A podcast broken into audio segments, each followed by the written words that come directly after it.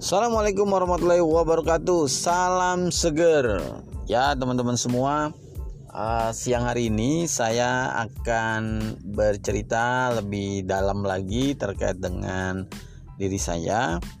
Uh, saya Ubaidillah, dikenal sebagai Wali Soto. Saat ini saya sebagai CEO di Soto Seger Boyolali Hajah Amanah. Uh, Alhamdulillah saya sebagai founder juga di situ Kemudian di dalam dunia bisnis sejak saya SD, sejak saya madrasah dulu sampai dengan SMA saya sudah aktif dalam dunia uh, perdagangan.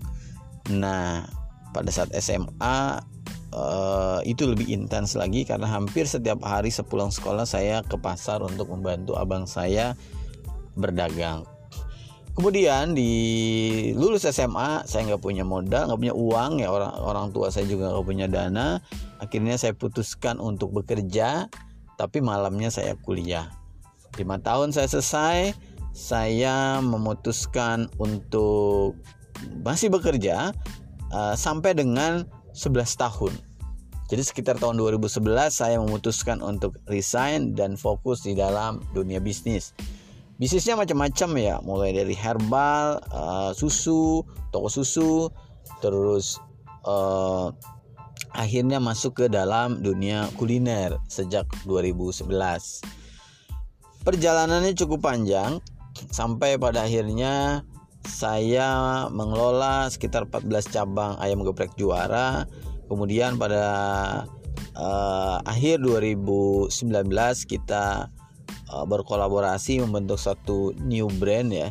Uh, brand lama saya uh, Soto Kauman Express itu masih masih berjalan sampai sekarang. Dan new brand ini Soto Segar Boyolali Haja Amanah yang insya Allah kita punya mimpi punya target dalam lima tahun ke depan akan menjadi soto terbesar di Indonesia.